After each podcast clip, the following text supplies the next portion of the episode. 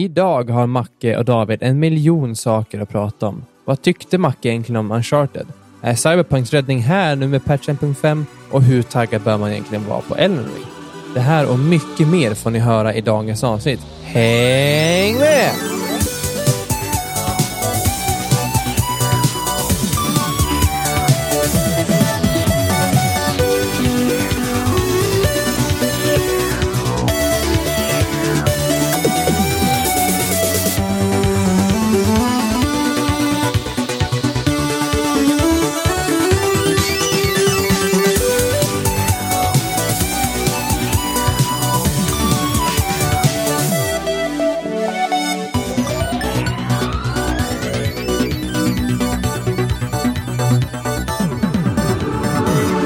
Guess who's back? Back, again. Tjenare och välkommen till Allt under kontroll. Podden där som vanligt ingenting är under kontroll. Idag har vi mig, Marcus. Och jag. David, hej! Men ingen Daniel. Nej. Tyvärr. Han känner sig lite under vädret så det blir du och jag. Det Mm. gamla radarparet som får sitta och köta och snacka om allt oväsentligt tillsammans. Allt vi älskar. Hur är läget? Jag har inte hört från er par veckor nu. Sen sist. Ja, nej precis. Nej men det är bra med mig. Alltså det har, eh, har varit lite, eh, jag säga mycket, så här, jag har inte riktigt hunnit spela så mycket, vilket är lite synd. Men jag kollar mycket serier istället, så här kompenserat. Det när man är hemma, man kommer hem på kvällen, man är trött. Ja. Och det blir väl lite att jag har slagit mig ner och tagit mig tid till att se kapp sånt som jag eh, har igång och även börjat kolla på lite nytt. Så att eh, jag har ändå haft, haft lite kul att göra, men jag har inte varit så här super, super inne i spel den här veckan faktiskt. Lite klassiskt sådär, jag eh, tänkte säga, så vintern har varit och man kommer in i någon liten Liten svacka. mys, ja precis, lite mysperiod bara. Ja. Jag har ju dock tagit tag i, vet du, jag sitter och spelar Sifu emellanåt. Eh, jag har ju inte klarat, jag är på museumbanan är jag, och den är ju, den är faktiskt väldigt svår. Alltså sista, Vilken bana är det? Det tredje blir det. För jag, läste en kul, jag kommer inte ihåg siffrorna, men jag läste en kul statistik att det var, vad var det, typ 70-80 procent av de som hade köpt spelet på Steam, som Mm. klar, eller på, på Epic, som hade klarat första banan. Mm. Men kanske typ 20-25 procent som faktiskt hade klarat andra banan. Ja, den andra banan är faktiskt väldigt rolig. Den, eh, den tycker jag om. Problemet med mig är ju att jag är ju en sån här som vill ha, eh, vad ska man säga, en väldigt, eh, jag vill ha en väldigt bra run med mig. Ja. Eh, och nu har jag ju lärt mig att eh, om man spelar spelet och så kör du första banan, då kommer du till nästa bana, då har du den åldern du fick då, som, spelet går ut på, att varje gång du dör så åldras du. Ja, för det vill jag fråga dig, för jag lyssnade på förra veckans avsnitt. Du, du pratade aldrig riktigt om, om just det här med ålderssystemet. Och jag, Nej, jag, jag var osäker på om det var att det, att det började om för varje karta eller om det fortsätter. Men då fortsätter alltså hela spelet. Precis, jag sa det också till Daniel efter när vi var klara och när man hade redigerat. Bara, för du, fan, jag glömde ju hela grejen det spelet handlar om. Alltså, Ja. det, det som är så nytt, ja, men för att vara liksom sånt här spel, så det, det, det, är själva, det, det som är så coolt med det är just ålderssystemet. Det går ju ut på att eh, eh, varje gång du dör så förlorar du en ålder. Du har en medaljong med, jag tror det är sex medaljer på och de är magiska. De här medaljongerna gör att nu, när- nu dog jag, då förlorar jag en ålder, så är jag 20 då blir jag 21. Och då har jag chansen att döda fienden jag slåss emot, då får jag tillbaka den här medaljen. Vilket gör att nästa gång jag dör så förlorar jag bara en ålder igen och då blir jag 22. Men skulle jag inte döda fienden jag dog av, då kommer jag förlora en till medalj. Och så förlorar jag två åldrar. Så att eh, ju mer du dör och inte kan ta tillbaka den här medaljen genom att döda en karaktären som dödar dig, så kommer du förlora mer åldrar. Så att i slutändan när man liksom börjar komma mot st- lite senare banor, då kan det vara liksom att dör jag nu, då förlorar jag sex år av mitt liv liksom, direkt. Det kan, bli liksom, det kan gå fort. Och jag tror maxåldern är 78. Sen när du kör, liksom, då blir du inte äldre. Då, då, liksom, då får du börja om helt. Det är alltså som man får börja om från bana ett då, om man, om man blir för gammal. Eh, Du, du kan köra om den banan du är på, men då får du börja från den ålder du var när du började banan, om man säger Okej. så. Så du behöver inte göra om allt, vilket också är ganska skönt. Men eh, någonting som är nice är att när du går igenom banorna så har du möjlighet att liksom ta olika vägar. Det är inte bara mainline att det finns en väg, utan det är, det är inte så att det finns sju vägar heller. Det kan vara typ som två, kanske max tre, liksom, med rum och sånt där. Och vissa rum kan du inte öppna för att du kanske behöver ett keycard, låt säga. Och det behöver man på klubbanan, behöver man ett keycard för att komma in i ett specifikt rum. Men det rummet, det keycard hittade jag på museumbanan som är banan efter. Mhm. Och det gör att jag då kan gå tillbaka och spela klubbanan. Men då får jag gå tillbaka till min föregående ålder och så förlorar jag allting jag gjort genom klubben förra gången. Jag får inte kvar statsen. Utan då om jag var ålder 25 när jag började på klubben, då får jag börja som 25. Men du behåller det här keycardet? Precis, jag behåller Okej. min progress. Så då kan jag gå in i det där rummet och kolla runt mer och kanske lösa liksom så här gåtor som kan påverka någonting. Eller om det finns ett tillställe där jag kan hitta såna här typ statyetter för att ge mig skill points för att öka min, mitt HP jag får tillbaka på en takedown och sådana grejer som ger mig mer beneficial liksom mot ja, fighterna senare. Nej, det, det är som sagt, det där med dödsgrejen, det är ju typ största grejen i spelet och jag missade helt att ta upp det. Jag var så jävla exalterad av spelet bara för att det är så jävla coolt. Jag satt och var så ledsen när jag inte fick höra det. Ja, nej men så att eh, jag hamnar liksom i ett litet äh, grej att eh, jag, jag är på museet, jag har kommit till sist, boss, sista bossen där och jag tror jag kan ta den, men jag känner att min run som tog mig dit har jag lite för hög ålder mot vad jag vill ha. Det, äh, eftersom jag vet att det är fem personer man ska ta bort, de fem man träffade ondingarna som är med i början, liksom, Ja. the bad guys. De, ja, och det där är tredje, så jag har två banor kvar. Jag är lite orolig att jag vill inte vara liksom 50 år plus när jag är klar med den banan. Jag vill kanske ligga runt 40 max, Mm, mm. känner jag. Men det vet jag inte, men det känns som det, att jag inte vill vara för hög ålder. Så nu har jag faktiskt kört om från början nu när jag börjat lärt mig att slåss bättre. Och alltså, jag har ju haft, eh, som Sunis har ju varit inne och kollat och Jerry har varit inne och kollat när jag kör och Sunis, det ska säga, alltså, han går igång, han är min fangirl. Han bara, man hör man skriker, Vad snyggt David! Jag bara dodgar allt, bara drar en uppercut. En, ja, men alltså, jag har gjort sådana sjuka takedown. Och i vissa rum blir jag inte ens slagen. Nu skryter jag till så ska jag streama så här skulle folk bara se hur klappkast jag är. Men det går faktiskt mycket bättre. Och jag känner att så här, jäklar, jag börjar liksom bli liten, jag börjar förstått mig på det. Men det är ett svårt spel och det är väldigt roligt. Och det säger också att det är väl folk som spelar det, att det är ju ganska så här, nästan taskigt svårt mot spelaren. Vilket kanske också gör att folk ger upp, ger upp lätt. Liksom att man känner att du, du får ingen hjälp av att, vad ska man säga, det är nästan bara skill-based. I Dark Souls, där kan du ju välja att ha en route att gå och farma dig upp. Ja. Du har inte liksom riktigt, riktigt det, du, här är bara git good. Liksom. ja men det är ju det. det är liksom, du kommer fortfarande bara möta samma personer, du kan inte få mer, du har bara ett visst antal ställen där du kan späcka någonting, liksom Mm. få någonting som gynnar dig. Men det kan ju vara efter den här fighten du aldrig klarar. Ja, men hur ska jag kunna bli bättre? Hur ska jag kunna ta mig förbi? Det går inte. Liksom. Jag kan inte. Jag måste klara det här rummet. Jag måste klara den här personen. Men eh, superkul spel. Men det är typ bara det jag har suttit och kört. Men på tal om det, hur, hur är det med dig då? Du som varit borta så länge. Har du hunnit spela någonting eller? Ja, alltså de få timmarna jag haft ledigt har jag ju faktiskt tryckt lite spel och faktiskt lite serier och en film. Men ehm, jag, har, jag har försökt spela Lost Ark Ja. för att jag blev lite sugen på som sagt att fylla min tid med någonting innan Elden Ring. Men jag kommer inte in. Det är det som är problemet. Jag har gjort ett par gubbar på en server som inte har någon kö och testat dem och kommit fram till vilken klass jag ska spela. Du och Sunis och Sarge och hela gänget sitter på en annan server Mm. och spelar och där det finns en guild och hela kittet. Det är ju den jag vill spela på. Jag vill inte, jag vill inte lägga timmar på en annan server som jag inte ens kommer spela på, bara för att börja om. Liksom. Nej, precis. Så jag har försökt typ alla kvällar jag kunnat. Bara gå in i spelet, komma in på servern och få en käftmäll när det står 15 000 i kö. Med texten under, ja, det är inte ens säkert att du kan skapa en karaktär när du väl kommer in. Och jag säger, okej, om jag har den här en, två timmar ikväll, då vill jag inte, inte sitta, och, sitta, på, sitta och titta på en kö i två timmar. Nej, Då spelar jag något nej. annat. Mm. Och då har jag ju spelat ut ehm, Rise of the Tomb Raider nu idag faktiskt. Ja. Jag tycker väl ändå att de tar allt ettan gör och gör det lite bättre. Storyn är lite densamma. Den är så här grundad i någon typ av verklighet och historia, men den är lite även naturlig med lite odödliga fiender och sådär. Jag tycker pacen är ganska bra och det, det är länge sedan jag känt i ett spel att jag, så här, jag vill inte sluta. Jag vill Mm. inte gå och lägga mig för att jag måste upp och jobba dagen efter. Jag vill bara fortsätta för det är så mycket utforska. Det är så här tombs och dungeons och krypter och saker man kan hitta och grejer du kan låsa upp för, och så här side missions finns det i, i tvåan som inte finns i första. Jag vill bara spela mer, mer, mer, mer. Jag vill bara göra allt och utforska allting. För att det, har, det är bara någon, någonting i spelet som- gör det väldigt lättillgängligt och, och bara springa runt. Liksom. För det är inte särskilt svårt.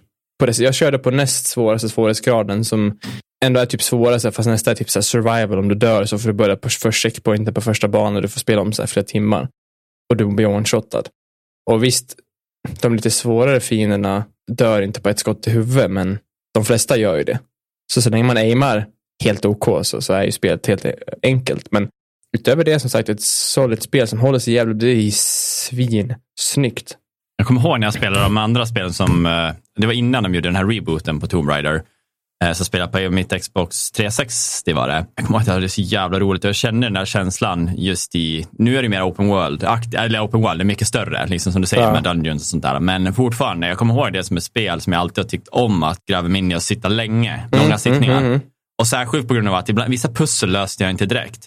Utan man står och tar en funderare i det där rummet. Men hur gör jag det här? Vad, hur vill jag flytta den här? Oftast lär du flytta den kanske två gånger. En gång för att göra det och en gång för att göra det. Och det sånt tycker jag är roligt att det inte bara är en move på, på en ja. grej, utan det kommer bara flytta mer grejer i slutändan liksom, för att mm. lösa mm. det helt. jag brukar ju vara den som blir tillräckligt frustrerad så googlar jag på lösningen på sådana pussel. Men jag har faktiskt inte gjort det och jag har väl gjort kanske alla Dungeons och Tombs förutom en, tror jag. Men som sagt, skitsnyggt spel. Jag har ju lyckats få någon typ av remake, remaster typ, för att det finns DLSS. Så det är ju skitmycket. Jag spelar på 1440p skärm, kan jag ändå kräma högsta grafiken och få 150 plus FPS. Ganska stabilt. Lite dippar sen när den laddar olika områden och så mm. vidare. Men annars jävligt bra. Det jag stör mig på, om jag ska störa mig på någonting, det är fan movementen och parkouren alltså. För att säga att man klättrar på en kant till exempel, så här, från vänster till höger som man gör i alla sådana här klätterspel. Ja. Och man ska ja. hoppa uppåt. Problemet är om du trycker på, då får hoppa uppåt på W för att hopp, och hoppknappen. Om din karaktär fortfarande är kvar i animationen som säger att hoppa vänster, som är lite långsam för att det är inte så här supersnappy ändå. Mm. Då kommer du oavsett om du trycker uppåt hoppa till vänster. Så det är så jävla många gånger jag har hoppat ut i avgrunder bara för att karaktären inte har liksom registrerat vart jag, vad jag vill göra. Så då får man istället så här, klättra till slutet på den här kanten, vänta tills hon har nollställt sig, trycka upp, se så att hon gör animationen för att hoppa uppåt och sen kan man hoppa. Men som sagt, utöver det är ett, ett jävligt bra spel. Och jag kommer nog inte hinna starta trean nu, som sagt för att vi har Elden Ring som kommer ut på fredag, eller igår. Jag är så jävla taggad. Alltså, jag är så jävla taggad. Alltså, jag bara känner när du nämner nu att jag, bara, jag har ju köpt det på Steam och jag får ju börja ladda ner det idag. Idag, idag ja. ja. Jag ska köpa det och få ladda det också. Um, jag tänkte, jag, jag, ska faktiskt komma till det, för det är lite det jag, mitt tema idag, att jag vill prata lite FromSoft, lite Elden Ring, för de som inte, kanske inte har koll på vad som händer. Um, mm. Lite snabbt, men, men det tar vi sen. Men ja, det släpps ju på fredag, alltså igår, om ni lyssnar på avsnittet som vanligt och då släpps mm. det klockan ett, alltså natten till fredag klockan ett. Så har ni tur och har förade spelet när ni kommer från jobbet på fredag eller lediga på fredag eller vad ni gör så kan ni spela hela helgen. Um, sen har jag sett klart The Book of Boba Fett också. Mm. Har ja, du jag också. Ja. Mm. Jag vet fan inte vad jag ska tycka. Alltså, överlag ganska bra, men uh, det känns lite som att allt som hände i Mandalorian säsong två har de gjort ogjort nu i, och med slutet på den här serien. Jag tycker inte vi ska, det är för tidigt att prata spoilers kan jag tycka, men, men den här... Ja, men jag liksom, håller med. Jag ja, håller med. Så det är lite som att säsong två på Mandalorian aldrig har hänt på något vis. Ja, det är ju lite så här, det hände men de tar tillbaka, precis. Så att det, det blir ju i princip så som du säger. Ja. Men samtidigt så har ju karaktärerna växt av det. Alltså så att absolut, det finns ju karaktärsutbyggnad liksom, och äh, själva gemenskapen mellan karaktärerna. Ja. Liksom. Men... Jag, jag, kan tycka att Bobba är lite trött, lite platt och lite fyrkantig. Mm. Ehm, och om det har att göra med skådespelaren eller hur han skriver, det vet jag inte. Sen, ehm, ja, Mandalorian är ju med igen i, i, i en viss grad. Och han, är, han tycker jag gör det ganska bra. Sen ja, finns det... precis. Jag tänkte bara nämna det där med Mandalorian, att jag känner att serien var lite trög de första avsnitten tills, och det, det är ju lite spoiler, men det är inte så här, det gör inte, ni kommer fortfarande tycka att det är coolt, ja. ni vet inte när det händer, men jag tyckte att det gav mycket till serien, att de faktiskt tog in den, tycker jag, att det tempot ökades på något sätt. Ja, men faktiskt. Men, men det blev lite också, kan jag tycka, så ibland att det blev Mandalorian säsong 2.5 ja. i vissa fall. Ja, det, de sista avsnittet var ju så. Det var ju typ mest det. Så och det du sa om Boba Fett, det håller jag med om. Anledningen till att jag tyckte de första avsnitten, det var ju bara för att det var mycket fokus kring han. han är väldigt seg. Och jag tycker också att han är väldigt klumpig för att vara en av de här äh, mest pris, äh, så här, en Bounty Hunter som är så uppskattad. Liksom. Ja, men han har blivit så jävla gubbig Alltså skådespelaren ja. är ju, visst han är lite buff, men han har en liten, liten ölmage, liksom, ser lite gammal ut. Ja, precis. Och jag känner att serien kanske bygger mer mot det där hållet. Om man tänker på att han väljer nu att ta ett val via det som händer i serien, att ja. bygga upp sitt eget team. Att han satsar kanske på att bli den här personen som dirigerar mer än att vara aktiv ute. Mm. Men ja, kanske lite mer än bara Jabba som hade varit där förut. Ja, ja. ja. Men överlag helt okej. Okay. Jag kan tycka det är nice att få liksom lite mer kött på benen. Få en, mer en, en karaktärstory bakom honom också. Platt mm. och tråkig som den är. Men eh, sista avsnittet tyckte jag var skitbra. Det var svin coolt tycker jag. Eh, Ella som jag kollade med, min tjej, hon tyckte inte alls det för hon tyckte det var alldeles för mycket fighting. Det var ju bara så 45 minuter fight. Typ. Ja, ja, och, men det var ju svincoolt. Mm. Ja, men det var det. Men det är väl taggad att se vad det går. Jag, jag, kan garantera att det här kommer leda in i Mandalorian säsong tre. Kanske, jag tror kanske det till och med kommer en säsong två av den här serien. Mm. Eh, och då eventuella framtida filmer som garanterat kommer så finns det säkert någon koppling att göra. Ja, de bjuder in mycket med olika karaktärer också, så man märker att det där mm. kommer ju få synas mer. Ja, man undrar om det här någon gång kommer leda in till de för det här är ju mellan, det här är ju strax efter Return of the Jedi, alltså den sjätte filmen. Mm. Och typ 25 år innan den sjunde filmen. Uh, vad den heter, Force Awakens. Force Awakens, ja, ja visst är det så. Precis. Så undrar om de kommer göra att det liksom fortsätter, om man faktiskt får se hur kanske det nya kriget, det här nya MP1 kommer till och så vidare. Det hade varit coolt. Mm. Kan jag tycka. Jag, jag, efter jag såg klart det där så fastnade jag lite i det här äh, Star Wars-träsket faktiskt. Jag tog faktiskt upp och började kolla på den serien som kom, jag tror för två år sedan nu, Uslingarna, äh, The Bad Batch. Ja. Och eh, jag kollade lite på första avsnittet. Då kom jag ihåg, så här, bara skimmade igenom typ 15 minuter och så kände jag att ah, det är inte riktigt så här, det jag kanske är ute efter. Det var liksom vad jag tänkte, men nu vill jag se någonting. Och på grund av att man har sett typ Arcane som eh, imponerade mig så mycket, eh, LOL-serien, ja. mm. så kände jag lite så här, men det är lite samma grafiska, konstnärliga designen på det, men också lite udda. Eh, så gick in och kollade på den igen och tänkte jag ger en chans. Såg första avsnittet, första avsnittet en timme tio minuter. De andra blir 27 minuter, så det är typ som tre, nästan tre avsnitt. Jag fastnade faktiskt och jag har sett klart alla, vad det, 17 avsnitt igår. Okej. Okay. Ja, och jag tyckte att det var jättebra och det var jag som inte är jätteinsatt jag tycker om Star Wars, jag älskar ju lasersvärd. Alltså så här, bara det, alltså jag, sen eh, tycker jag om hela grejen väldigt Force och jag spelar många spel av Star Wars. Men jag är inte så här lika insatt som de, jag har vissa som är kanal. Men det kändes som att det var väldigt bra förklaring. Den utspelar sig direkt i när commandet kommer från Anos när han säger execute order 666. Det är precis när alla ah, troopers okay. får deras hämningschippet som de kallar det. Så man följer så, alltså de trupp, trupperna? Det, det, är en trupp som, deras hämningschip, de, är, de kallas för trupp eh, typ 99.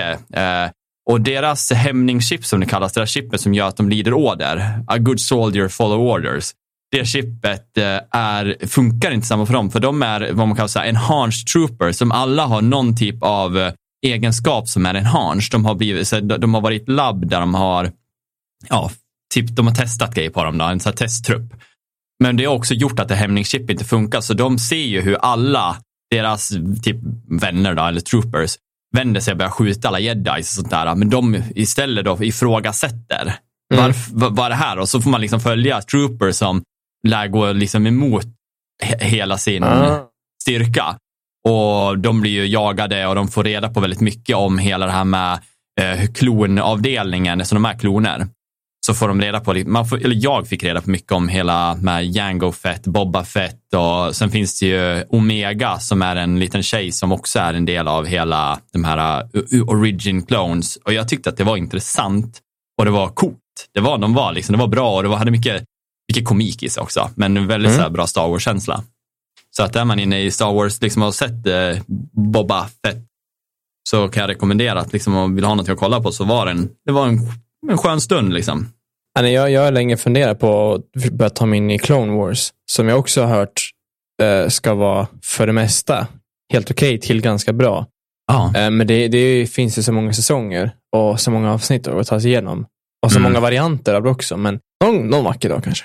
Ja, man fick ju träffa också mycket karaktärer som är med i eh, Book of Boba Fett. Jättemånga är med i The Bad Batch.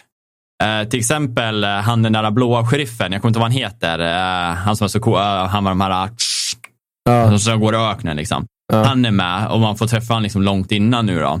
Och så är ju hon Fennec Shand, assassinen, Ah. är också med.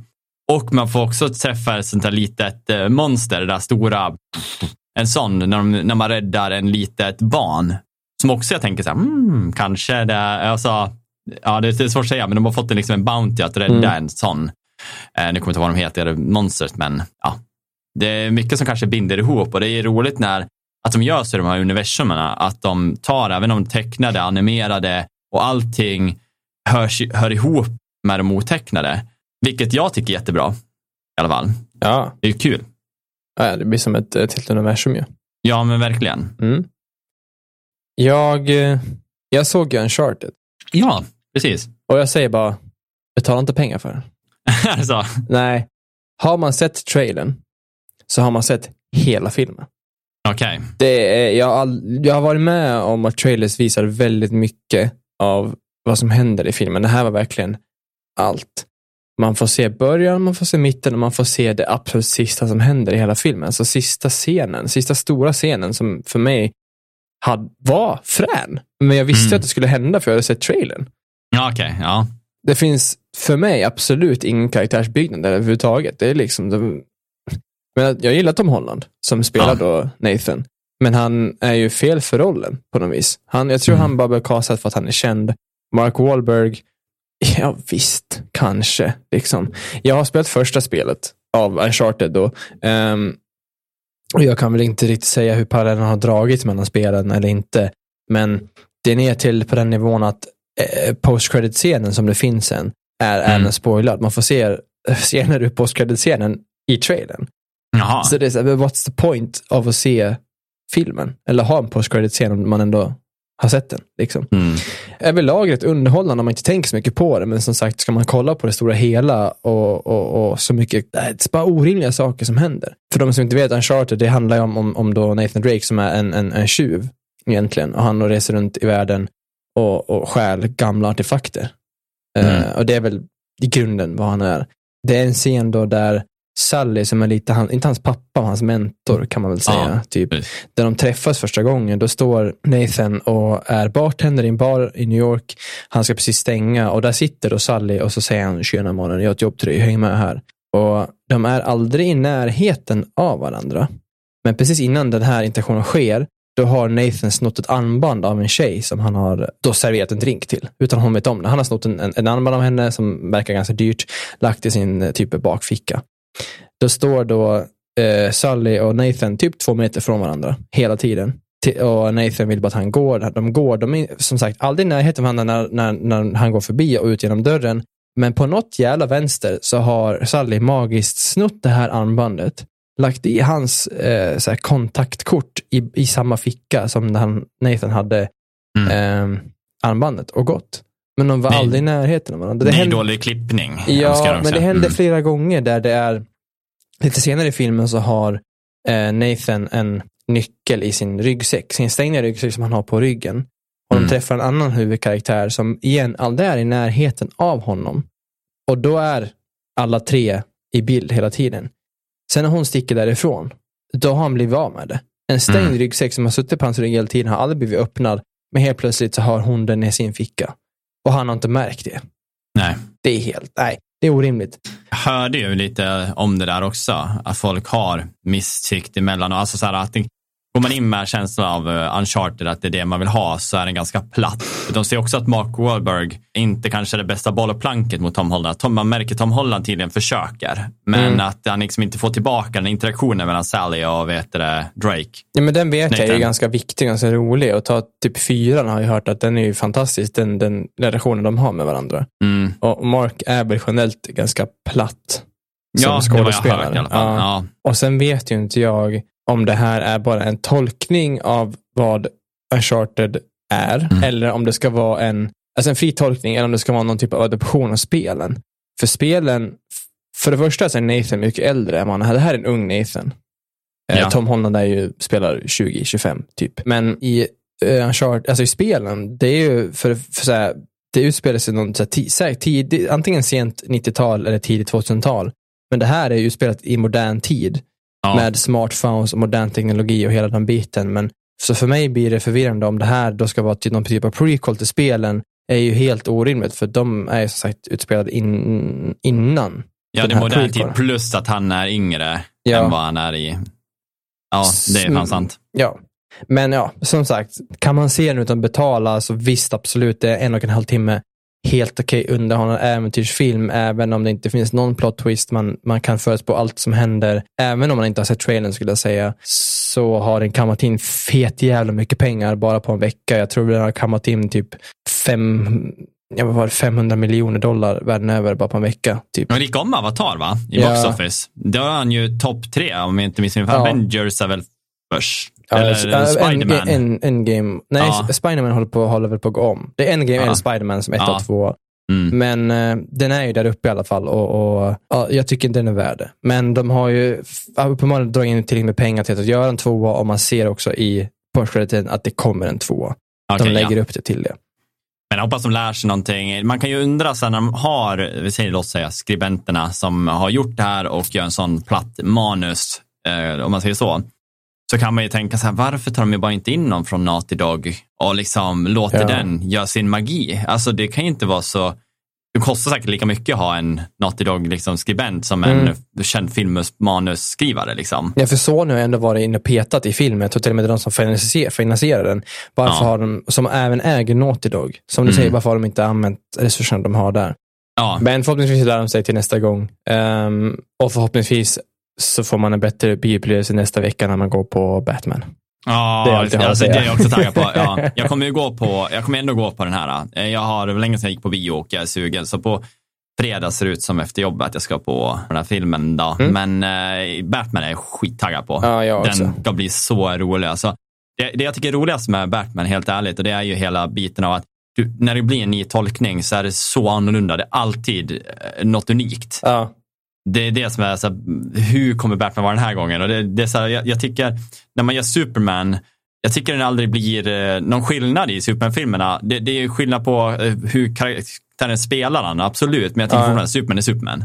ja, men Ba- Superman är, är ju DCs starkaste superhjälte. Så vad man kan göra? Han är ju tråkig för att han är så Han jävla kommer stark. flyga, han kommer få göra det där, liksom så här klassiska. Men Ja. eh, Batman berättas ju alltid då från, ganska från scratch. Och du får hela hans uppväxt bli så annorlunda Ja. typ varje gång. Men jag hörde ju Daniel prata om det i ert förra avsnitt, det här med, med backstoryn och att det här med Riddler och att det är en lite annan relation än, än vad, vad man kanske är van vid. Speciellt om man tar Mm. typ Christopher Nolan-trilogin. Som även Ja. är mörk, men kanske inte som jag får känslan av lika mörk som det här kommer vara. jag hade ju hoppats på, det finns ju, eh, jag hade väl haft en Batman som är gjord efter den nya Jokern som gjordes, lite mer drama-varianten. Ja, ja, ja. Eh, för jag tycker den är så cool hur Jokerns hat mot Waynes kommer från eh, mammans, eh, att hon tror att, eller tror, det är det som är så svårt. Filmen säger ju inte i, i sluttext om, är det så här, är det Wayne pappa till, vet det, Jokern? Mm. Det, det vet man ju inte, men det är ju, det är ju mot det hållet. Att han tror det. Liksom han, ja, jag tycker om den också adaptationen av liksom, tanke. Och nu, har, nu går det liksom mot det hållet med att, ja, Enigma tänkte jag säga, men eh, gåtan ja. är eh, liksom med bland familjen och växer upp i liksom en, en svartsjuka. Mm. Vilket är coolt. Jag ska, det, ska bli, det ska bli kul att se, som sagt. Uh, vad är det väl fredag eller vad är det nästa vecka, tror jag. Ja, jag tror det var fredagen. Precis, ja den tredje var det va? Då är det nog torsdagen till och med. Ja, du ser. Ja, ja. så är det. ja. Eh, vad var det jag tänkte på? Du hade börjat kolla på Arcane, hade du inte det? Jo, men jag har inte kommit längre. Eh, jag har även bara kollat på Witcher säsong två och än så länge är jag eh, både positivt överraskad och lite skeptisk. Men jag vill, se, jag vill se klart båda först. Tänkte Ja, ja. Eh, om inte du har gjort något mer den här veckan som är värt att nämna så tänkte jag vi kan gå vidare till kanske veckans tema. ja precis. Ja, men då ses vi snart igen. Ja, men då så. Då hoppar vi väl in och kör lite nyheter slash tema och du hade väl en, en liten kul grej. Ja, faktiskt. Det är ju liksom, det här är ju vad man, har, eller vad man har väntat på. Jag har väntat på det här väldigt mycket och det egentligen är det ju Next gen updaten för eh, Cyberpunk och när man pratar Next gen då pratar man ju om PS5 och Xbox Series X slash S då. En uppdatering som ska få det här liksom både nu när det börjar säljas igen i butiker, alltså i deras stores, men även få ökad performance i de, de flesta aspekterna. Det var en sån stor uppdatering. Alltså det, går man in och läser på sidan, det är ju sån jävla patch note. Alltså de, det känns som att de har rört i allt. Jag tror själva uppdateringen var typ 50 gigabyte eller något sånt där. Ja, det var ju, de var ju ganska stora i början också, men Ja. det här är ju liksom den som de ska liksom få det här att drivas bra nu. Liksom. Och det tror jag. Det har fått väldigt bra reviews från folk. Det har inte bara lagt till eh, vad ska jag säga, performance enhancing i allting från eh, FPS, alltså hur allting drivs med grafiskt, men det är också liksom från eh, hur eh, NPC-erna beter sig i olika tillfällen och hur polisjakterna är. Alltså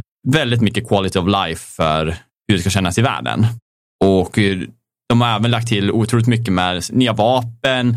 Du kommer kunna ha fler eh, lägenheter. Du kommer kunna fixa om din frisyr och annan appearance i eh, vet det, vet det, speglar och sånt där. Och så att du kan liksom ändra om dig lite mer under vägens gång, vilket också är kul. Men eh, för andra så har de också fixat med ekonomin så att den känns mer balanserad och även looting-systemet. Men utöver det som sagt så är det ju eh, fixat med raytracing och annars är det ju mest grafiskt. Då. Men sen är det otroligt väldigt mycket så små, små grejer, men det har ju med hela det här med NPC-erna, hur de agerar och sånt där. Med att, eh, men det, i patchgrejerna då är det typ 200 olika notes. Det här har vi gjort, det här har vi gjort, det här har vi gjort. Liksom. Ja, jag skimmade igenom det lite grann och det är som du säger sjukt mycket grejer. Och, Ja. eh, jag har sett att det finns lite buggar kvar, men jag har också märkt och sett att det faktiskt är en fruktansvärd förbättring. Och jag ångrar mig lite nu att jag spelade Cyberpunk för två månader sedan, och inte nu. För att jag visste att det här ryktades att komma och det skulle vara en lite turnaround. Ja. Men exempel som sak som du säger, AI är förbättrad. Nu, nu, nu finns det ju, nu kan karaktärer, eller NPCs kan ju jaywalka, alltså de kan gå över vägen som inte är övergångsställ. Och Mm. gör de det så finns det en chans att de blir påkörda för att folk kör så fort och inte kan stanna. Ja. Liksom. Så bara så, en sån interaktion, liksom, att det sker naturligt och att man, det inte är någon styltad, skriptad grej är ju ganska coolt. ja, men faktiskt. Det, det känns mer levande. Ja, och sådana små grejer som jag vet att på konsolerna, jag vet inte på PC, det har inte jag testat själv, men jag vet att typ vatten har ju inte haft ref- reflektioner eller någon Nej, typ av precis. effekt. Så om du sköt i Mm. vatten så händer ingenting. Nu, nu gör det ju det. Så skjuter du i vattnet syns det, kastar du en, äh, kastar du en granat i vattnet då syns det när det sprängs. Liksom. Mm. Bara sådana grejer gör ju att spelet känns lite mer ja, men verkligt och lite mer polerat. inte lika liksom. platt. Liksom. Nej, precis. Nej, så det är ju jätteroligt att den här kommer och jag känner också att det är kul att teamet har orkat och gjort det här. Ja, verkligen. De har verkligen kämpat för att få, få det att komma till den här punkten och sen tror jag att det är mycket mer att komma men nu antar jag att de fokuserar ju på nya DLCs och sådana grejer. Eh, att det kommer bli expansion. Jag tänkte säga det, för de har ju fortfarande lovat dels en expansion man kan köpa. Det här är ju en liten gratis DLC, det här med customization och lite apartments och vapen och så vidare. Men det ska ju komma större expansioner likt Blood and Wine, Heart and Stone som kom till Witcher. Ja, precis. Och det var ju fantastiska expansioner. Alltså, det var ju som separata spel i, Ja. i, i storlek och content. Ja, alltså för fan. Varje gång man någon säger Witcher så blir jag sugen på att spela, men jag vet ju vad man ger sig in på och jag, jag har inte tiden just nu. Nej, nej. har Death Stranding igång. Jag startade en gubbe i Cyberpunk när den här Ja. patchen kom ut.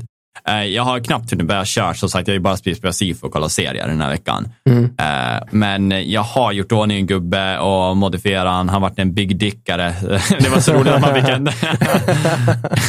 jag satt inne i TV, du, tv-rummet och så på min OLED 77-tummare, jag vet inte om jag har sagt att jag har en sån. Har du en sån? Shit. Ja. Nej, men då satt jag där och då var den ju väldigt stor, men då fick man välja det dick size liksom. Och så står jag där och så är man liksom inzoomad lite mot den arean och så kommer Susanne Ja. in bara, vad gör du? jag håller på att välja storlek, så man liksom bara hänger och dinglar. Den är ju inte alls censurerad. Det är verkligen så här, Nej, it's a dick. det är, det är en kuk. ja, ja. Nej, så det var, jag tyckte han var skitcool. Jag gick in och så jag valde cooperative, eller vad det heter. Ja, de här agenten. Corporate. Corporate, ja. Precis. Så att jag får se hur det blir då. Men jag tänkte att det skulle vara Nomad. Men på grund av det du pratade om tidigare så höll jag mig lite undan det. Av den här känslan av att, som du sa, att du kommer träffa karaktärer som sen inte känner igen att du har träffat dem. Så vart det lite så här, äh, för det var väl specifikt Nomad du pratade Nej, om det då? var, det var corporate. Det hände. nej. Eh, jo. Men alltså grejen är fortfarande, så, så de här life path man väljer i början gör ju egentligen ingen skillnad på storyn, förutom du kan ändra lite dialoger som inte gör någon skillnad på storyn, men du får Ja. lite annan dialog. Annars gör inte de någon skillnad, det är bara att ditt intro de första två eller tre timmarna av spelet är annorlunda. Sen Ja. kör man exakt samma väg. Men hade du kört alla tre? Eller? Okej, Nej, jag, jag körde corporate. du har bara kört corporate? Ja. Bägge, bägge playthroughsarna? Jag körde Street Kid när jag kom halvvägs Ja. förra året. Ja. Vilken kände du liksom var bäst av de två? Man bara... Som sagt, det är ingen, det är ingen Ja, skillnad. men i, I början, den här två timmarna, det kändes som en liten Alltså, känn... Det beror på vad man vill gå för. Alltså corporate, den var ganska, det hände mer skulle jag säga som Street Kid. Man, Okej. då- Och då blir man inslängd direkt på gatorna där man ändå kommer spendera ganska mycket tid. Där man får, alltså det, det intressanta kan jag tycka är relationen man får med Jackie, som är Okej. Mm. din, din vän. Och tar man, jag minns om, om det är Street Kid eller om det är Nomad, någon av dem så börjar man ju som fiender. Mm. Och sen vänder man på det och blir vänner. Men som sagt, i slutändan är det ju samma sak. Men jag tror Ja. Corporate var lite händelselös. Man var inte corporate särskilt länge innan man då blev en vanlig snubbe på gatan. Typ. Nej, precis. Nej, men det ska bli otroligt roligt att få sätta mig in i det där. Jag har ju som sagt Death Stranding som ligger vid sidan av som också är stort, men där väntar jag ju på nästa uppdateringen, eh, Directors Cutten. Ja, det är väl snart i mars va? Ja, precis. Mm. Och jag tror att då kommer jag tåga igenom det spelet och det känns ganska tungt att både rodda Cyberpunk och köra Death Stranding Ja, det side blir by side. mycket. Ja. Ja, för jag har ju andra spel som jag spelar main. De där är Mm. mer bara min mo- morgonspel spelstund liksom. Men eh, ja, på tal om eh, Project Red. Jag satt bara tänkte på, vi pratade om det här eh, tidigare i somras. Och det var ju att de hade ju gått ifrån då ett gäng av eh, game developersna från eh, Project Red och skapat sin egna studio då, kallad för Rebel Wolves. ja. Och det var ju ganska stora namn ändå. Det var ju liksom Head Director för Witcher 3 och så var det ju manusförfattaren för eh, Witcher 1 till 3 och eh, tror också var Art Directorn för Witcher 1 till 3. Och så var det ju någon från Cyberpunk 2077 som hade, jag tror det var main writern. Och Ja. det är liksom, det är stora, stora gubbar liksom, om man säger så. Som de har ändå gjort bra work. Folk tycker om Cyberpunks story och känsla. Det är mycket var det bara spelmotorn som har liksom har varit hur allting har ja, drivits som har varit problemet. Men eh, nu har det liksom kommit ut att de håller ju på med sin första titel. Det var lite roligt för de hade gått ut och sagt att vi startar den här eh, studion för att vi tycker att eh, vi har liksom gått ifrån det att man saknar ett hjärta för story och alltså känsla för spel. Att man, det har blivit för drivet av, vad ska man säga, aktieägarna. Eh, Så att eh, själva känslan emot spelet eh, och att tillverka någonting vi kan vara stolta över liksom på det sättet har försvunnit. Och det kan jag väl tänka mig att i Witcher hade de väl den kvar och sen har det liksom bara blivit det här att ja, nu ska vi göra någonting bättre, vi ska tjäna pengar. Mm. Men då är det lite roligt, för då säger han ju det och då verkar det som att på det han antyder att vi ska börja skapa mindre titlar som inte behöver vara AAA, liksom som de är mindre studio. Och sen direkt efter i den konversationen när de har den här alltså, intervjun som de pratar med han, så nu håller vi på med vår nya AAA-titel säger han. och det, så jag tycker det var så roligt att han går in på att han har, ja de håller på med direkt en AAA-titel, men Ja. jag kan ju också tänka mig med om man säger kalibern de har bakom sig så blir det nog inget annat än en AAA. Men de, man, man vet inte namnet, men de håller på och gör en dark fantasy RPG i Unreal Engine 5 då. Så att, och det, det verkar ju vara så att de kommer bli en saga och att det kommer fortsätta. Det kommer bli stort. Så att jag tror att vi kan förvänta oss någonting stort från det nya polska företaget. Det tror jag. ja, man kan hoppas. När det kommer ut, det vet jag inte. Men jag tror att rätt inställning i alla fall, gå ifrån och skapa någonting eget om man känner att eh, drivkraften för att skapa, liksom att man börjar tappa det estetiska men eh, kreativa miljön har försvunnit lite. Visst. För jag, för jag tror att får man liksom bara må bra, ha bra gäng bakom sig, då kan man skapa vad som helst. Då blir det roligt igen, ett mindre team. Ja, det tror jag också. Men det var det, det var lite, lite nytt kring dem. Ja. Hade du någonting roligt? Ja, men jag har ju faktiskt, eh, på tal om eh, storspel och AAA Dark Fantasy RPG, så har Mm. jag inför Elden Ring som då släpps i övermorgon, eller igår, när ni lyssnar på avsnittet, så eh, tänkte jag att jag ville lite ta reda på vad From Software har gjort. Eh, mer än Dark Souls, mer än Bloodborne, mer än Sekiro som alla idag vet Ja. vad det är. Så jag forskade lite, googlade lite och skrivit en liten resa i, i From Software och vad de är och sen tänkte jag att vi går in och för de som absolut aldrig hört talas om Elden Ring men kanske är sugen på ett nytt RPG eller ett nytt spel som de vill sänka alldeles för många timmar i. ehm, Så kan vi bara snabbt gå igenom premissen av Elden Ring. Men um, börjar man med From, So- From Software då, så jag, jag trodde ju att de var inte ny, nya som företag, men kanske så här tidigt 2000. Men de har faktiskt funnits sedan 1984. Okej. Men de började inte göra spel. För de första tio åren så gjorde de, utvecklade de kontorsmjukvara. Tänk typ Office och så vidare. Den typen av, av program. Deras första spel som heter Kingsfield, det släpptes till PS1, men eh, det släpptes aldrig utanför Japan. Men när de då släppte uppföljaren tvåan, Kingsfield 2, eh, ett år senare, också till PS1, så, så fick det tillräckligt mycket uppmärksamhet och togs upp av publiceraren Askieware som släppte spelet i USA. Det som är lite förvirrande då är att de döpte tvåan till Kingsfield 1 och sen Jaha. trean till Kingsfield 2. Så första originella Kingsfield finns alltså inte i eh, västvärlden kan man säga. Jaha. Och de tre är väl klassiska från softspel. De är svåra. De spelas alla i first person. Det är det de har gemensamt. Sen har de byggt på och expanderat storyn, expanderat eh, mekaniken och så vidare i de, de senare spelen. Det släpptes även en fyra till PS2 eller Xbox 360, tror Mm. jag. Någon gång 2006, så det borde vara gamla Xbox. Sen då när Sony släppte PS2 så var FromSoft faktiskt med vid launchen och släppte två spel som heter, eller tre spel som heter Eternal Ring, haha, Evergrace och Armored Core 2. Mm. Och det var faktiskt, de blev faktiskt en av de största utvecklarna vid, eh, vid PS2 släpp då i just eh, USA. Jaha. Går man tillbaka till, eh, till PS1 så i den eran så släppte de även Econite, Armor Core 1 då, och Shadow Tower. Uh, Econite och Shadow Tower också RPG, lite samma stil, medan Armor Core är då tredje persons meckaspel där du, du får bygga och customisera din robot mecka som du åker runt och, skjuter på gubbar med. Typ. Och det blev också superstort. Under Xbox eh, och PS2-eran då så släppte de då fokuserade de mer på de här mech-spelen för att de blev så jäkla, så jäkla populära och släppte nya IPs och byggde på den här Armor Core-serien eh, som de hade. Alla släpptes inte i USA, eh, men många av dem blev populära i Japan. Och sen släppte de några så här one-off-genrer, eh, något, så här, något annat RPG, något flummigare spel så här, som aldrig riktigt blev succéer för att de hade inte grunden eller de, fatt, de, de sålde inte väl. Så under den tiden, då, PS1, PS2, första Xbox, så var de kända men inte så kända. De hade en väldigt dedikerad men liten skara av följare då. Men sen eh, ändrades allting när Demon's Souls kom ut. Mm. Eh, det släpptes från början bara i Japan. Och återigen då, det var inte supermånga som nappade.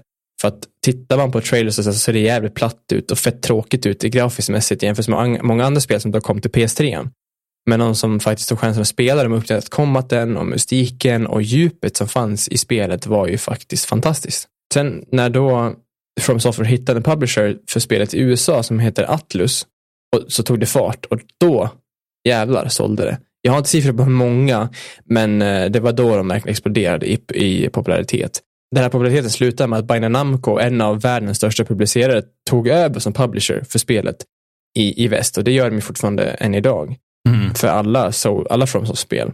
Och tittar man då på modern tid som alla vet om, Dark Souls 1, 2, 3, Bloodborne, Sekiro, eh, är ju spel som har släppts de senaste tio åren och det känner ju som sagt alla till. Men alla, alla, har, inte spel, alla har ju inte spelat dem. Men de spelen så har ju all samma känsla som de här Kingsville hade, att det, det är svårt. Det är utmanande, men kanske inte omöjligt om man eh, sätter sig in och faktiskt gör lite, lite research, lite theory crafting. Jag tror ju lite som jag tror många skulle hålla med om att det faktiskt är spel och ett företag som aldrig kommer glömmas. Det ses ju som en av de bästa studiosarna. De säljer inte mest, men de kanske säljer bäst. Ja, producera kvalitet.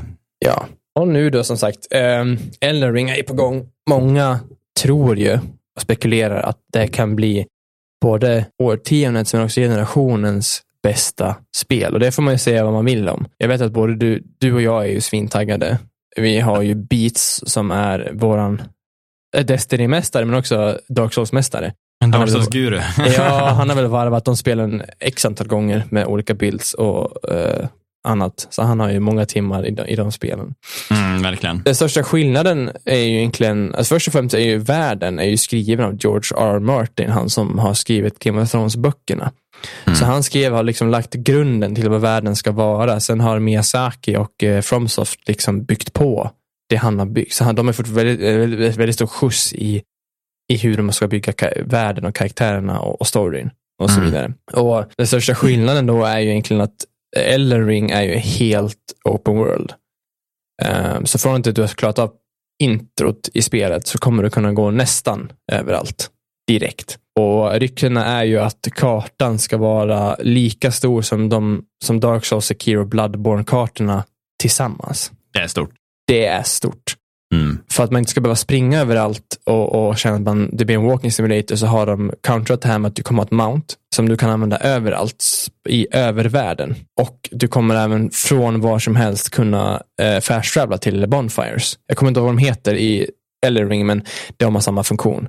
Mm. Innan kunde du bara porta mellan Bonfire till Bonfire i ettan, tvåan, trean i Dark Souls. Men nu kan Precis. du alltså porta från vart som helst. Den här storleken kanske inte kommer kännas så stor, men du måste ändå eh, upptäcka en Bonfire innan du faktiskt kan porta. Mm. Precis. Måste varit det. Ja. Ja, och en annan grej som, för att den här övervärlden är ju sån väldigt stor, den är upptäckbar och, och, och där är det ganska fritt. Sen har de också det de kallar för Dungeons och Legacy Dungeons.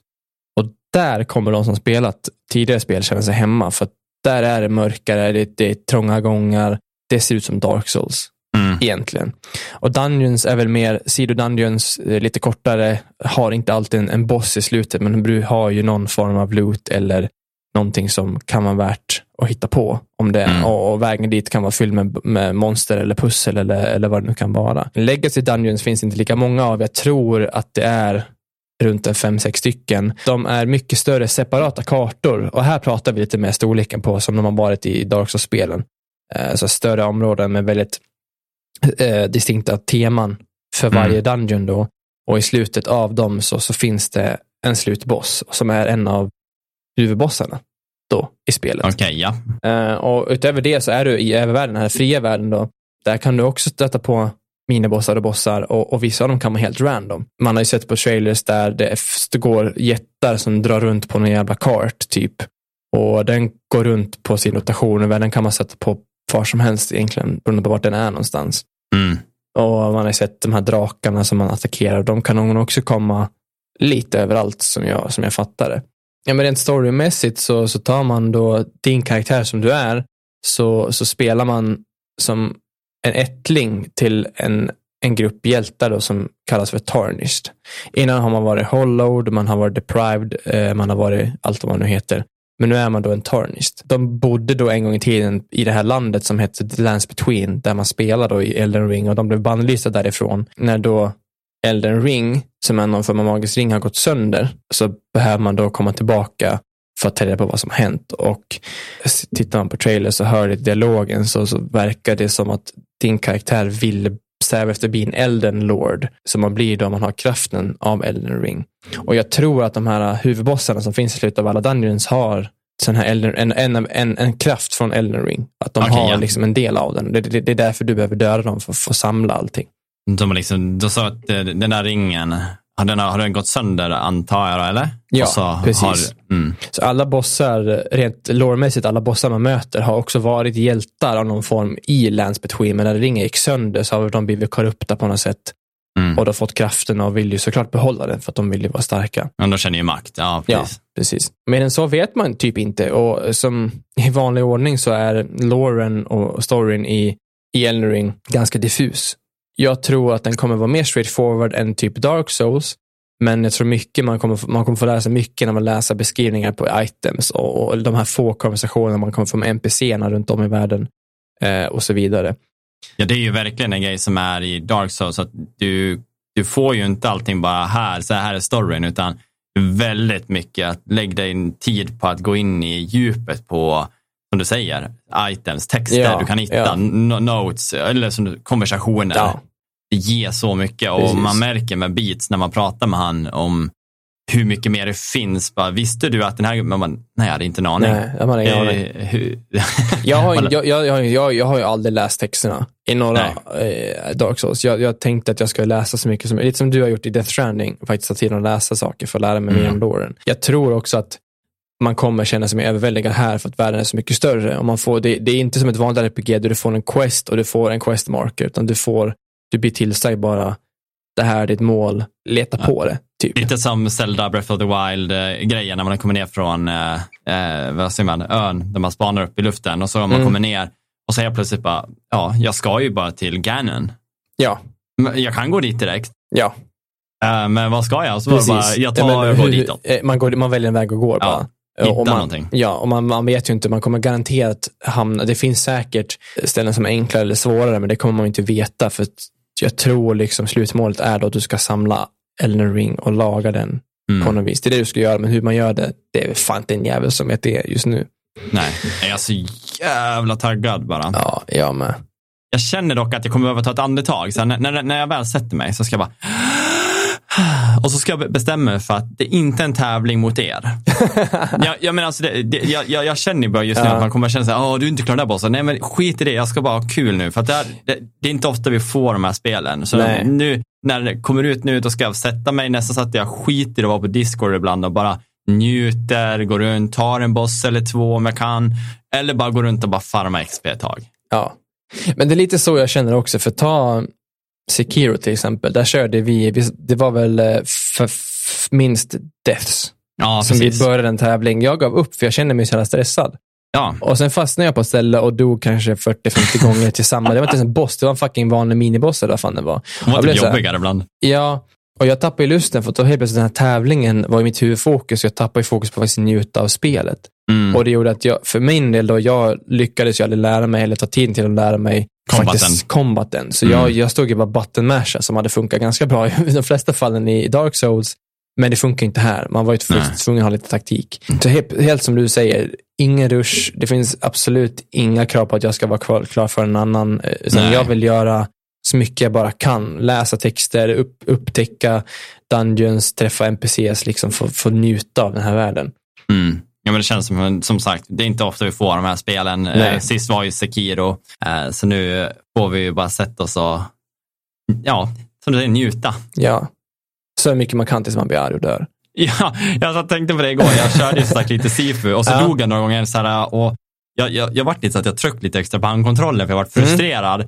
För att jag hade väldigt bra death rate. Så här, jag hade dött, första banan hade jag bara dött en gång på, så det var ålder 21. Andra banan var jag ålder 21 tills sista bossen. Och så tänkte jag, kan jag klara mig nu så att jag typ ålder 22, 23, då är det här hur bra som helst. Det är helt sjukt att klara Ja, andra banan ja. på det kan jag tänka mig. Och så sen bara flippade och jag känner att jag gör rätt. Jag kan, jag har klarat den här bossen utan att dött en gång. Och sen nu bara, jag bara dog och jag dog och bara kände tryck lite och kände så här, fy fan nej, och Elden ring, jag kommer möta bossar igen där man kommer dö och dö. Och så kommer man till slut lära sig och så dödar man bossen och så märker man, aha, det är två facit Mm. ja. Men, men någonting som är bra, för de har ju pratat väldigt mycket FromSoft, att de gör spelet enklare. Mm. Eller en- inte enklare, men att monstren ska vara enklare, men att det ska bli mer tillgängligt för de flesta. Och det är väl lite i försäljningstrick att de vill att fler folk ska spela men också att folk inte ska känna sig så frustrerad. Så de har jobbat mycket på att ta bort de här frustrationerna, som till exempel du kan fast travela, du har din mount, men Ja. också att de kommer utöver, innan som du dog, då fick du respawna vid den bonfire du sist restade vid. Åh, får man spana utanför bossen nu? Nu kommer du få välja, det kommer finnas sådana här sparzoner. Eh, så Okej. Speciellt i Dungeons så kommer det finnas ställen där du kommer spara, men du kommer inte kunna resta. Och då när du, då, när du dör, då kan du välja antingen så spanar vi den här uh, checkpointen, som Mm. kan vara precis utanför bossrummet i vissa fall. Mm. Eller om du vill gå tillbaka till en bonfire för att typ levla upp, eller om du vill travla någon annanstans för att och grinda lite med XP, eller, hitta nytt, eller byta vapen, eller vad det nu kan vara. Så det tror jag kommer bli helt skönt. Så som du säger, om man dör det var vissa gånger, den runnen man var tvungen att göra till vissa bossar i Dark Souls var ju fan Mm. värre än att möta själva bossen. För Ja. antingen var den skitlång, eller så var den fylld med fiender, eller så var det både och. Och då man, började man dö på väg till bossen, Ja. då var det att det flög kontroller överallt kan jag säga. ja, men det blir ju så jävla tråkigt. Och särskilt som du säger, när man dör på väg till bossen, då börjar man dö om och om igen. Alltså, du, du, och då försöker du göra det snabbare och det är Ja. bara dummare. Du kan inte göra det snabbt. Nej, Ibland nej, nej. lär du bara, okej, gör det sakta, ta det förbi, försök inte stressa nu. Ja. Det, det jag är taggad på är ju att testa något helt nytt. För att i det här spelet, man kan ju säga att de har tagit de bästa delarna av alla moderna spelen då. Och Mm. slagit ihop det, speciellt när det kommer till combaten. Så innan, för, för mig känns det här som en Dark Souls pseudo-uppföljare med tanke på att det är ändå Dark Fantasy. Och det är Mm. ju inte Elden Ring, eller, eller det är inte Sekiro, Samurai. Visserligen kan du spela som en Samurai, men här, nu kan du för det första, du kan smyga, du kan stealtha. Mm. Eh, och du kan hoppa. Ja, det är skönt. Så dels gör det att du kan approacha combat på ett enormt större mängd på oli- olika sätt, men också att du kommer nog kunna, du kommer kunna approacha världen på olika sätt. Nu Mm. kan du istället för att behöva leta efter trappor eller behöva, eller du kan visserligen hoppa i de andra spelen också, men det är lite janky. nu har du en hoppknapp, du trycker på hopp och så hoppar du. Liksom. Och du kan Mm. använda hoppet i combat. Det kunde du också göra innan, men här verkar det mycket enklare. Du kan göra en hoppslag med din yxa till exempel. Jag tror jag kommer spela med en båge faktiskt för första gången. Det här har varit supersvårt i Dark Souls, vet jag, om man har satt sig Ja. själv i ett underläge. Men det känns som att man, jag ska i alla fall testa. Är det Ja. helt, helt underpowered, ja, då kanske jag byter och kör typ Pure Dex eller Pure Strength eller någonting. Jag är också lite sugen på magi, för tittar man på trailersen och det man ser när, när folk använder magi, så ser det så jävla coolt ut. Mm. Jag känner också magi. Jag, jag visste inte, jag har inte kollat på så mycket trailers för att jag inte velat spoila, men jag kollar på de här bara videorna liksom, som har varit med, inte något in-game. Mm. Eh, men eh, just båge låter ju intressant också. Det är också så här lite favorite thing of mine liksom i andra spel. Att jag oftast går bå- bågvägar, men magi har jag alltid velat testa i Dark Souls 1 till 3. Mm. Men eh, jag har ju då bara gått antingen strength eller dex, så att jag tror det lutar mot magi faktiskt. Mm. Och som du säger, att få den här tredje dimensionen av att kunna hoppa och röra sig gör att du inte blir fast i den här kanske ja, men stela miljön som var i Dark Souls. Okej, men nu är jag satt mig i knipan, nu kommer jag inte kunna ta mig ut, nu är det kört. Precis. Och att du kan stealtha också. Alltså det vore skitcoolt att kunna spela en stealth archer. Lite så här Skyrim. Du vet. Och um, en annan grej som också är ny, det är ju crafting. Du kommer Mm. on the fly, eh, så länge du har material som du hittar ute i världen, kunna crafta saker. Och det är till exempel bomber. Du kommer kunna crafta healing items. Du kommer, kommer kunna crafta pilar. Och jag har kollat lite gameplay då ser man till exempel en snubbe som sm- smyger omkring och skjuter sömnpilar på folk. Så han skjuter en pil som somnar eller blir stunnade, sen går han fram och så hugger han halsen av dem. Så de dör ju inte av pilen för att det gör inte så mycket skada, men han kan ha ett backup-vapen som han kan backstabba de här som de dör. ambush. Ja, precis. Och det verkar skitfränt. För att gör man kan man göra i Sekiro också och köra lite stealthy. Men man köra en lite stealthy archer skulle vara coolt. Men jag, förmodligen kommer det sluta med att man kommer hamna i open combat och så kommer man vilja rolla om till en däcksbild eller någonting. Men, Ja. eh, vi, vi får se. Button smash bara. De har ju också sagt att det ska bli mycket enklare att köra multiplayer. Fromsoft har väl också, på samma sätt som jag kände för att ha svåra spel, så är de mer kända för att ha jävligt klumpig co-op. Eh, Ja, verkligen. jag kan, vill man spela antingen med någon eller mot någon, då måste man ju då hitta deras sign som har släppt på specifikt ställe i världen och så ska man hoppas på att man är i samma shard kan man säga. I Mm. trean så har de hjälpt det för att då kan man skriva in samma kod med varandra. Så att då, då landar man lite i samma sök shard till varandra. Ja. Eh, Jag vet inte hur det kommer funka här. Det ser ut som att det kommer vara shards på något sätt, men de säger att det ska vara avsevärt mycket enklare att spela med varandra. Det jag hade hoppats är ett sätt att inte bli disconnectad på def. Mm. Vilket jag kan tycka, att man spanar för samma bonfire igen och inte behöver göra processen Ja. igen. Det är en grej jag tycker var lite tråkig. Men samtidigt så, man har ju inte shared progress, så det kanske inte gör någonting ändå, men jag vet inte. Nej, men ändå det skulle vara nice att bara kunna köra en co-run. Liksom. Mm. Och även som nu spelar du, har spelat Dial Night och där är heller inte share progress eh, på gott och ont. Mm. Men om du kan hoppa in i min värld och vara kvar i min värld tills du väljer, nej, nu vill jag gå tillbaka. Ja, Som du säger, har man kan ju vara inne och farma XP. är man inne som en, vad kallas det? En soul? Nej, vad heter det? Ja, de är en, eh, vad fan heter det då? Tänkte säga, så, ja men är det Soul? Phantom är inte det. En Phantom, jo det är en Phantom. Om man är Mm. som en Phantom, antingen som en fiende eller en vän, så dör man så åker man tillbaka. Eller, eller dör hosten, då skulle, du, skulle jag hoppa in i din värld och du dör, då blir jag också kickad. Ja, precis. Och det är ju skitstörigt. Ja, men det är det. Och det ska bli, men det ska bli kul. De, som du säger, det nämns mycket om att det ska vara mycket bättre Ja. co-op. Så att det hade varit roligt att göra. Sen när vi har kört klart. Jag har ju alltid velat som sagt speedrunna ett Dark Souls. Tänk dig att testa lära sig speedrun som co-op, hur fort det går. Oh, Se om man kan, såhär, hur ja. fort kan man göra det på två personer? Man, behöver man går ju på samma boss och sånt. Ja. Men eh, bara se movementen. Bara, Ja, det ska bli kul att se också hur, hur lång tid det tar innan spelet släpps till att folk faktiskt börjar speedrunna det. Och Mm. börja optimisera. Och, och, om, för, eh, om, det, om det är så mycket större som det sägs, om man, om man kan komma till de här eh, sub två timmar, sub en timme. Jag tror väl Dark Souls 1 i vissa kategorier är un, alltså runt en halvtimme, vilket är helt sjukt. Ja, faktiskt. Man blir imponerad när man ser det. Ja, verkligen. Jag tror för 56 timmar. get good. Alltså det tror jag, det väl, kommer väl bli mitt huvudspel, tror jag, ganska länge. Jag har bara en känsla om att det kommer ta tid. Det är väl inte riktigt något annat spel som släpps som jag vet att vi är sugen på just nu. Jag Nej. har ju Sifu som jag förmodligen kommer kunna naila av snart. Jag försöker bara göra en sån här golden good run liksom. Ja. Ja, Jag hade velat spela Forbid alltså Horizon Forbidden West ja, som släpptes Mm. bara häromdagen. Men jag har inte spelat första och det ska jag göra först på PC. Så Mm. det är också på min lista. Jag, eh, jag är lite som du, jag spelar en bra bit på första, men jag har ju inte kört klart det och jag har Nej. köpt det till PC, så jag kommer också vilja spela det och det, den ska ju vara riktigt fräsch nu, själva vad säger man, portningen. Ja. Ska vara riktigt bra, vad jag läst. Så att det blir att köra den, men sen har jag ingen PS5, jag vill inte köra det på en PS4, så jag vet inte vad det, det går lite emot det när man har bra dator Ja, och sätter ja, på, ja. på PS4. Det är ju det. Jag har sett ytterst lite gameplay av eh, Forbidden West 2 alltså och det ser så fantastiskt ut. Det flyter så jävla bra också. Fan vad snyggt det är. Ja, jag såg de gick på någon så här hydra, eller hydra boss, så när det Ja. hade sitt tre huvuden och så satt de och spottade någon acid och han sprang runt och sköt med sin någon, någon, mag, eller någon här magnetgun så det Mm, så, så mm. sköt någon. Och jag bara kände bara jävlar, det var ett högt tempo också. Alltså det Ja. spottade sånt där hela tiden och rörde sig.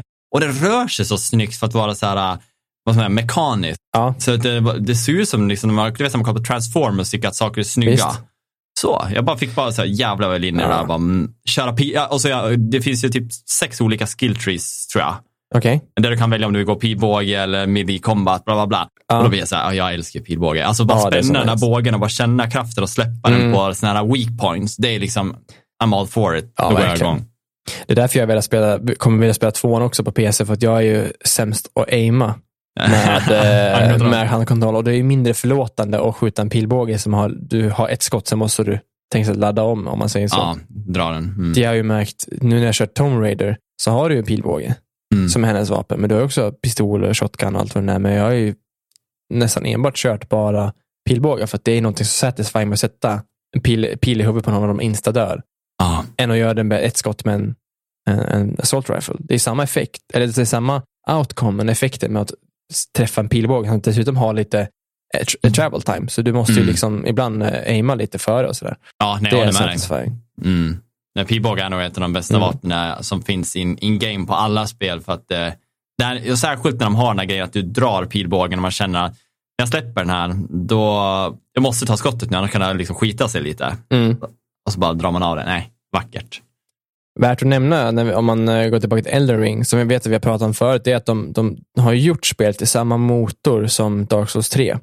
Mm. Så de som inte har sett gameplay eller förväntar sig ett Next Gen-spel ska inte göra det. För att det är inte det tekniskt snyggaste spelet, men artstylen och visuellt, det är det man vill fokusera på. Det är det de har fokuserat på, för de vet ju också om att det här kommer inte vara 4K-texturer och snyggaste effekterna, men det de har ritat upp och det de har gjort är ju fantastiskt som vanligt. Deras Mm. eh, art-team är ju sjuka i huvudet ibland. Ja, men verkligen. De träffar rätt där och det, det är som du säger. Men är det inte, vi har för mig att vi pratade om det förut, att Sekiro är gjord i samma motor. Och jag Ja, menar, det är också, Sekiro är skitsnyggt. Ja, men sätt. istället så det är inte det de har satsat på och jag vet också att när de släppte, eh, när de gjorde remaken på Demon Souls, Ja.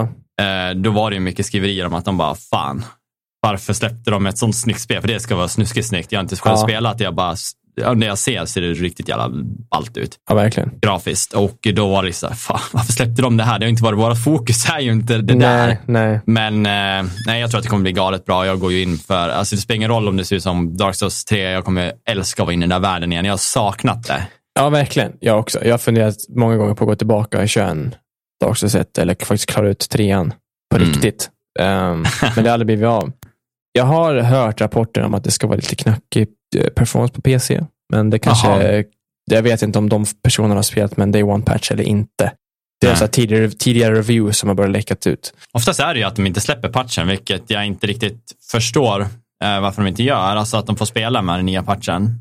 Det brukar ju vara så i alla är ju, spel. det, det är ju orelevant. Det är många, alltså, de, jag, tror, jag tror Cyberpunk var så att de, de som släppte reviews typ på PS4 och sådär när det kom, de spelade ju-utan Day One-patchen. Nu Mm. var ju PS4 en katastrof i alla fall, I alla fall. med Day Mm. One-patchen, men det gör ju skillnad Ja, i de flesta fall. ja, men så är det. Men eh, spelar ni på PC ska spela Elden Ring, se till att uppdatera era grafikrutiner. Eh, det är väl det ni kan göra. Rensa minnet, för det är ganska stort. Runt 60-70 gig tror jag. Mm. Det har ganska höga krav på RAM-minne såg jag. Rekommenderat 16 gig. Och det är väl Mm. fortfarande ska jag säga, standard i vad folk har i sina burkar. Du och jag, du och jag har ju dubbla, Mm. eh, båda två. Sen rekommenderar de ett 1070 vet jag, en, tror typ en 8-kärnig, nej, 4-kärnig. Ja, Eh, jag kommer inte ihåg vad det var processor. Det var lite högre än vad jag hade tänkt mig. Jag tror det var en På just processor. 8700. Och den Mm. är väl, om den är fyra eller Är sexkärnig. inte sexkärnan då? Är den sexkärnig? Jag Ja. tror det. Jag kan kolla. 8700.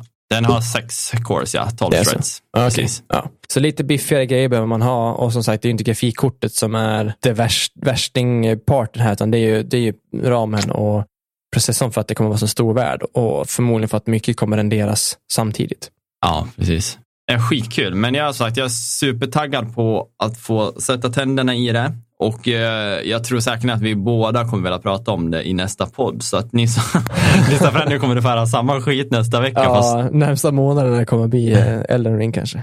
ja, precis.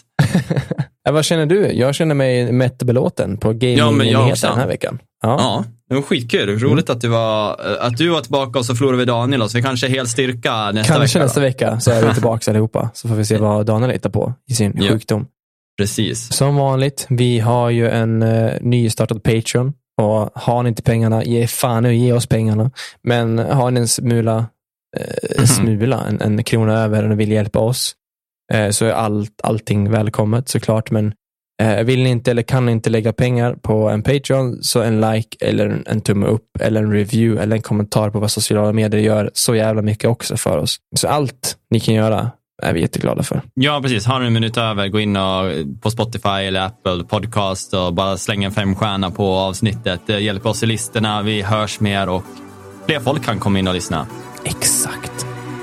Men eh, nej, tack för mig. Och tack för mig. Hörs nästa vecka då. Tja då! Hej då!